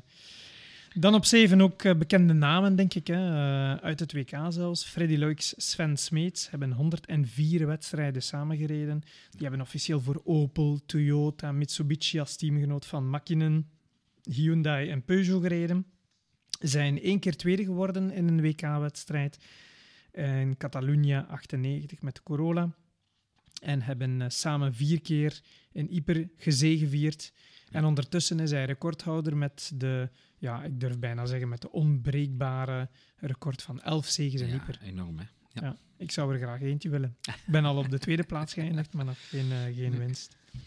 Gaan we ook uh, terug naar uh, nostalgie. Ja, de rest is eigenlijk wel grotendeels nostalgie. Gabi Goedezeunen met Philip de Pelswaker. 111 keer samen gekend van de geel-groene Krijfs Ford Sierra, maar ook met de Nissan Sunny, Massa, de Mazda 323 en de, de Subaru Impreza WRC S5. Ook de historiek, hè? daar kennen we hem ook ontzettend goed van. Hè? De Opel Manta. Ja, de Trans hierop. Ja, heeft daar twee keer Iper mee gereden. Mm. Wat een beest van een auto. Ja, ja, Mooi om uh, naar te kijken. Klopt, dan krijgen we een uh, Europees kampioen. Uh, Robert Droogmans en Ronnie Joosten.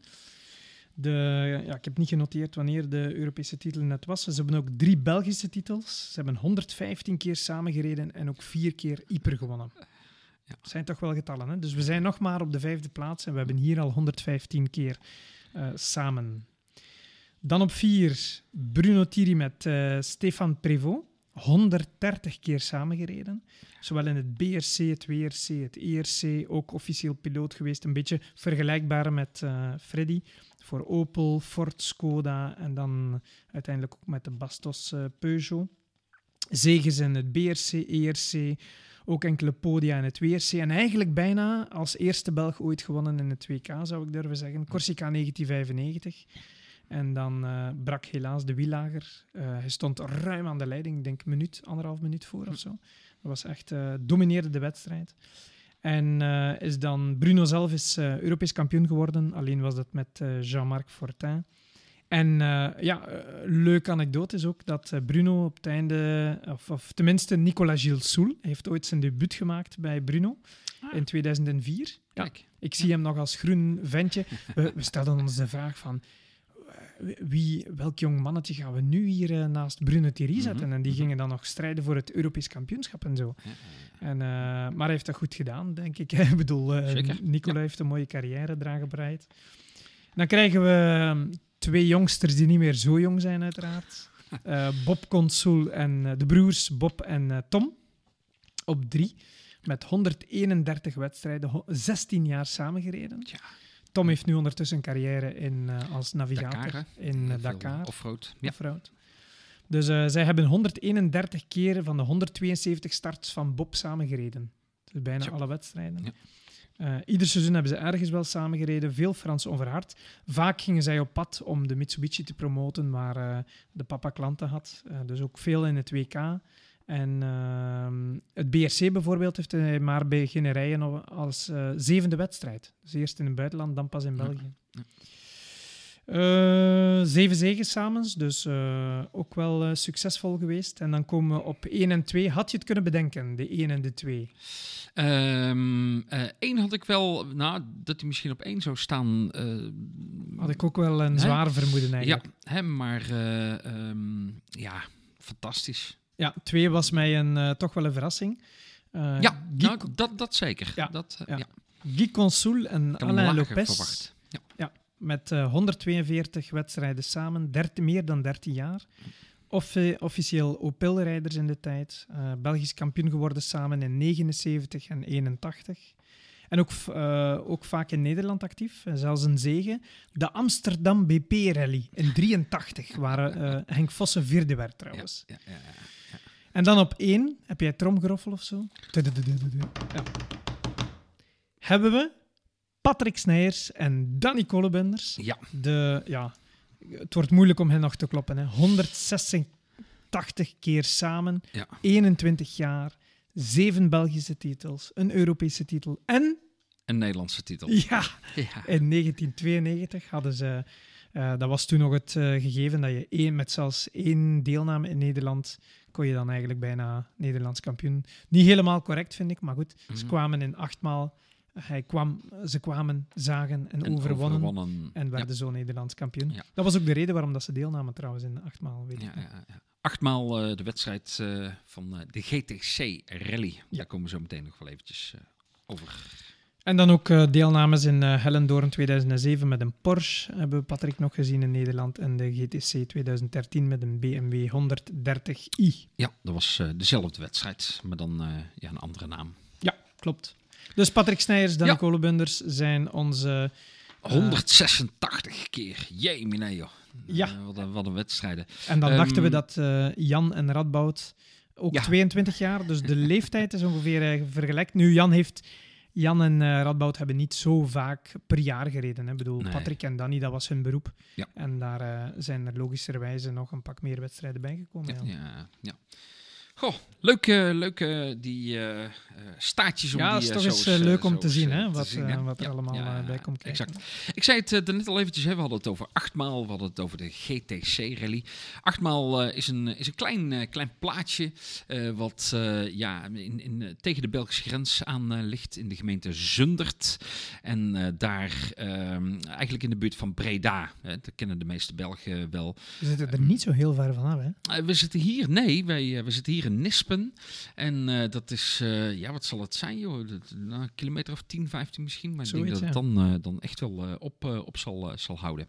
Nou, de GTC-rally zal voor de allereerste keer de openingswedstrijden gaan, gaan worden voor het Nederlandse rallykampioenschap, zoals het er nu naar uitziet.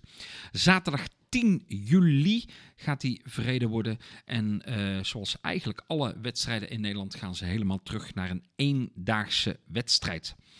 Ze gaan het uh, een compact evenement van, uh, van maken. En dat betekent dat alles in één gemeente ook gereden gaat worden. En dat wordt dus de gemeente Zundert. Nou, um, Inmiddels is het zo dat uh, men ook het uh, servicepark en zeg maar start en finish uh, hebben gecreëerd. En, we, we, hadden, daar, hadden wij daar geen foto's van gekregen ja. van Yuri Docs? Ja, precies. En, en, het grappige was, we kregen die foto's van Yuri op 1, op 1 april. april. Ja. En het leek wel serieus wat hij wilde melden.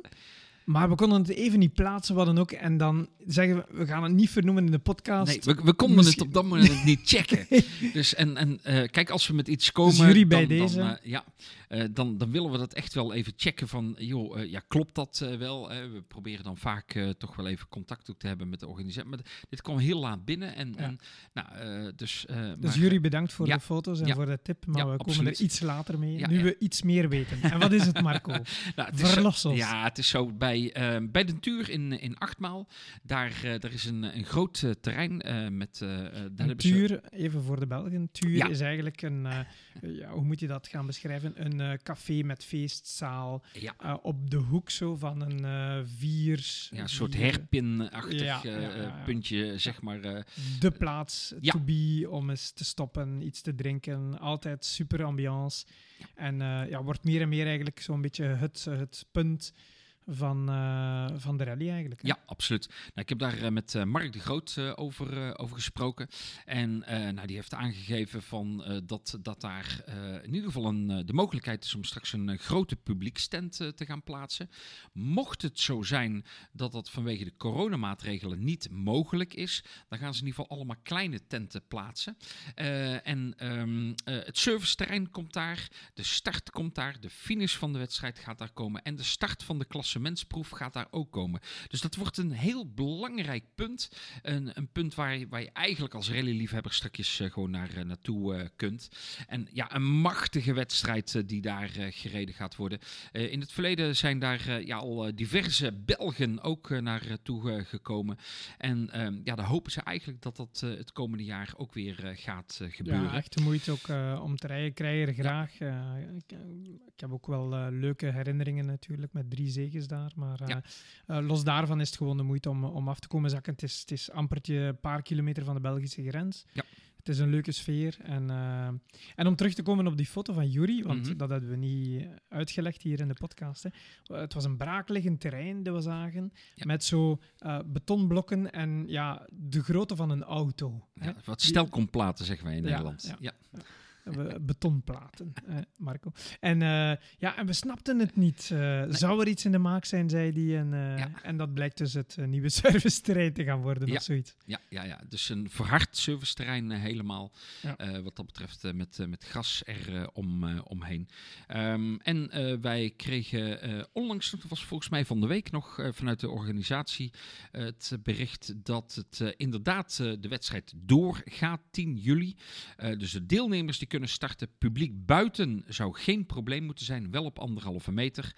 En eh, ja, hoeveel mensen dat er eh, in de tenten mogen, dat is nog onduidelijk. Maar eh, zoals ze al aangegeven hebben, daar gaan ze wat, wat losse tenten zeg maar, eh, plaatsen. En de organisatie heeft aangegeven dat ze een vertrouwd gevoel hebben voor de wedstrijd.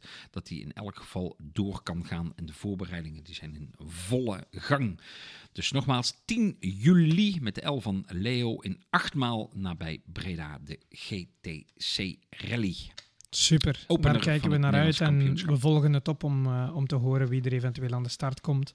En dan gaan we ook eens beginnen polsen eh, als, we dit, als we dit weten. Hè. Marco, is er verder nog nieuws uit Nederland in verband met het kampioenschap of van Nederlandse piloten die we dienen te weten? Ja, nou, van eh, de organisaties zijn eh, natuurlijk allemaal vooruit aan het kijken naar eh, wat, ja, wat de maatregelen zullen zijn. Ehm, eh, er is in ieder geval een definitieve agenda waarbij dus om de drie weken strakjes gereden gaat worden. Maar we hebben nog een nieuwsberichtje zeg maar, over de Opel E Rally Cup. Het, de eerste elektrische Opel Corsas die zijn namelijk eh, vanuit het eh, testcentrum in Dudenhoven in Duitsland. Ehm, dat, is een Duitse cup. Ja. Wat heeft dat dan met eh, Nederland te maken? Ja, en ook met België. Want eh, er gaan buiten dat er teams uit Duitsland, Frankrijk, Oostenrijk en Groot-Brittannië...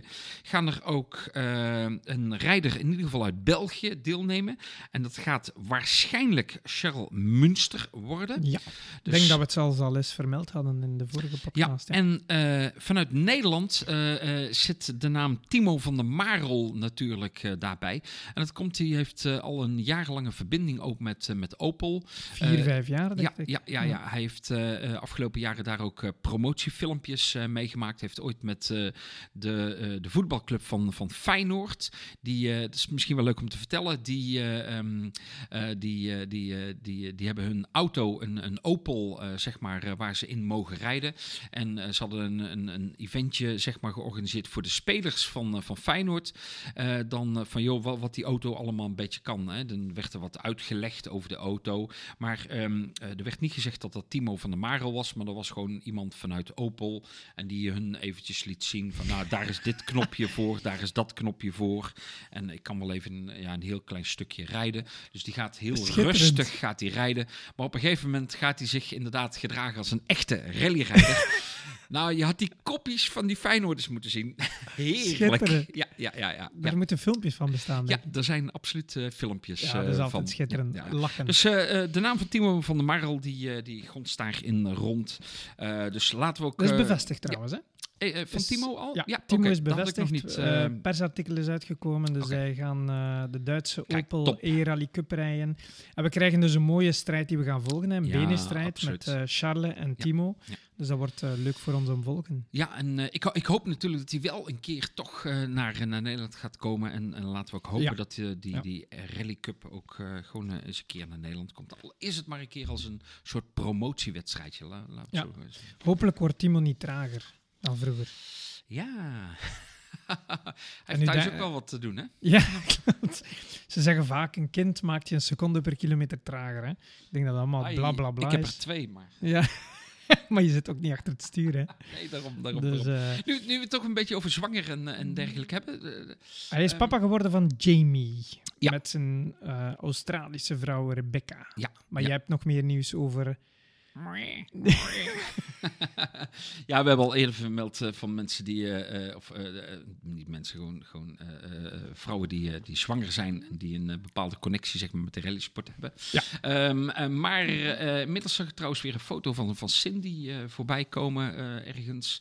Ja, daar, ja, daar gaat het gelukkig goed mee tijdens ja, de zwangerschap. Maar inmiddels zijn er weer twee geboortes te melden. En dat is van Esther en Martijn van Hoek. Hè, Martijn, daar hebben we eerder over gesproken, want Subaru die is verkocht.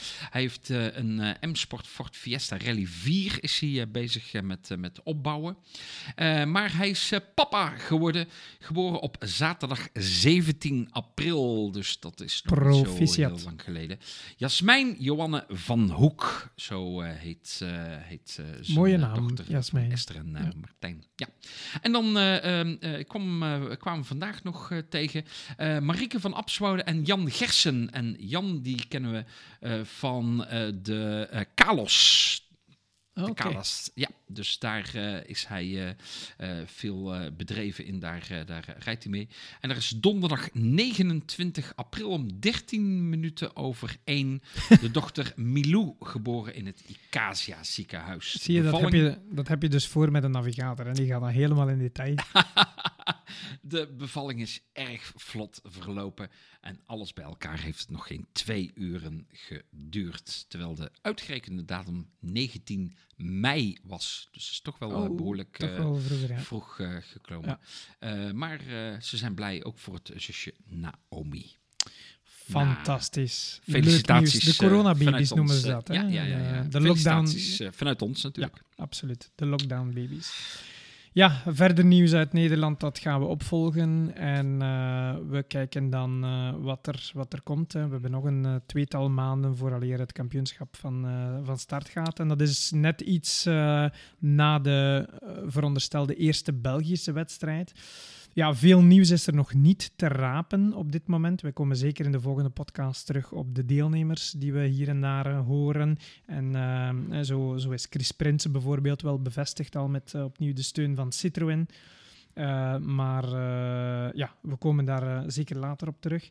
Ah, ja, één nieuwtje kunnen we nog over het Belgisch kampioenschap meegeven. Eh, ongetwijfeld wel zien voorbij komen. Dat is dat er een eh, exclusiviteitscontract is getekend met Ja. bandenleverancier Pirelli voor drie jaar. Ja. Zowel in Rally 1, Rally 2 en Rally 3. eh. de, de grotere maat van banden, om het eh, simpel uit te drukken. Uh, het leuke is, er is 10% korting voor alle deelnemers op de aankoop van de nieuwe Pirelli-banden. En er zijn ook uh, banden te winnen per wedstrijd. Uh, op plaats 1 vind je, wint je er 5. Plaats 2 is nog goed voor 4 banden. Op 3 krijg je 3 banden, op 4 krijg je 2 banden. En van plaats 5 tot 10, dus de top 10 krijgen allemaal dan nog, of de rest van de top 10 krijgt allemaal nog 1 band. Hè kan allemaal alle beetjes helpen. En ook in de wedstrijden met een power stage zijn er premies te winnen voor de snelste. De eerste krijgt 2000 euro, de tweede 1000 en de derde 500 euro. Dit allemaal van Pirelli. Ja, mooi uh, deze verbinding. Hè? Drie jaar maar liefst. Betekent dat uh, ook dat, dat alle rijders dan uh, op Pirelli moeten starten? Ja, ja, ja het is ja. echt verplicht. Um, de uitleg van de promotor is dat ze, ja, dat ze er meer konden mee bereiken met Pirelli. Mm. dat er ook wel wat discussies waren tussen het betalen van Michelin op... Michelin ging dan buiten het rallycentrum staan en mm. betaalde dan niet. Um, zijn dat allemaal redenen? Het is dubbel, want het is zo wat achter de coulissen gebeurd, zoals we dat noemen, achter de schermen allemaal mm. bedisseld. Um, om, om dit rond te... Ja, bedisseld is misschien geen goed woord, maar in ieder geval, er is een, uh, er is een, um, een appel d'offre, een, een aanbesteding uit, zo moet ik het noemen, de Franse term zat even in mijn hoofd. Een aanbesteding uitgestuurd, zowel naar Michelin als Pirelli, dus het is uh, allemaal correct gebeurd.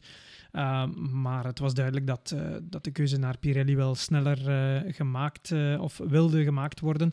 Waarom ook Iper ehm, maakt deel uit van het WK. Daar start iedereen op Pirelli, sowieso. Dus het maakt het voor de Belgische deelnemers wel handig dat ze dan ook ingereden zijn ja. op de Pirelli. Natuurlijk ja, is er vanuit deelnemers en ehm, of piloten en teams nu wel wat kritiek. Want zij worden met de neus op de feiten gedrukt dat al hun voorraad uh, Michelin, dat ze die uh, maar zien uh, verkocht te krijgen op een of andere manier. Want in België, toch niet op het BRC mogen ze ermee rijden. Nee, nee, nee. nee. Ja, er zijn natuurlijk ook bij die, die ook specifieke afspraken wellicht met bandenleveranciers hebben. Hè? Ja, of, uh, ja, of deeltjes kunnen maken, of, of whatever. In ieder geval, uh, of, of graag rijden op die banden en zo. Dus, uh, maar goed, dat, het is nu zo. Het is Pirelli. Ja. En het is voor iedereen gelijk. En het zijn goede voorwaarden. Dus, ja, zeker. zeker. als je dat zo ziet, van... ook bij de Power Stage, hè, gewoon geldbedragen en ja. dan, daarnaast banden. Ja. En dat is toch ook echt geld. Absoluut. En we gaan kijken wat het allemaal geeft. Tot daar het nieuws, zou ik uh, durven zeggen, van uh, voor deze maand. We ja. hebben uh, nog wel wat kleine weetjes, maar die kunnen we even goed voor volgende keer houden. We gaan terug dan kijken naar deelnemers die hier en daar wat bevestigd zijn, zowel in cups als in de nationale kampioenschappen. En we volgen uiteraard ook de rallies in het buitenland. WK-rallies komen eraan, Sardinië, Portugal. en we volgen de rest ook wel op. En wanneer zitten we terug samen, Marco? Vier weken. Over uh, vier weken, vrijdag 28 mei, dan uh, gaan we onze vijfde podcast opnemen. De Benen Service Park uh, podcast. Wat ja, worden we toch oud. ja, en ja, je, pakt de bal vast, hè, het glas met, met water, want we gaan weer klimmen op deze afloop. En, Dankjewel. we nemen natuurlijk En we gaan u uh, bedanken in ieder geval voor het, uh, voor het luisteren naar uh, deze vierde editie van de Benen Park podcast. Vergeet niet om, om te reageren, hè, want dan zeker als u aanvullingen heeft, correcties op hetgene wat wij allemaal gezegd hebben.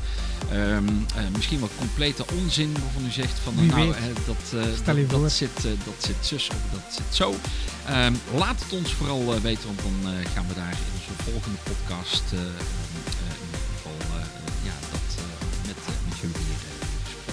delen mag ook altijd uiteraard van de link. En ja. buren wakker maken, andere collega's in de rallysport of vrienden. Hoe meer uh, zielen, hoe meer vreugd, hoe meer reactie, hoe fijner dat we het vinden. Dus uh, we horen jullie graag. Wij gaan jullie bedanken in ieder geval voor het luisteren. En we horen jullie graag natuurlijk de volgende keer. Of via de social media of rechtstreeks via het Dankjewel en tot de volgende keer. Zoals ze in Nederland zeggen, doei. Houdoe.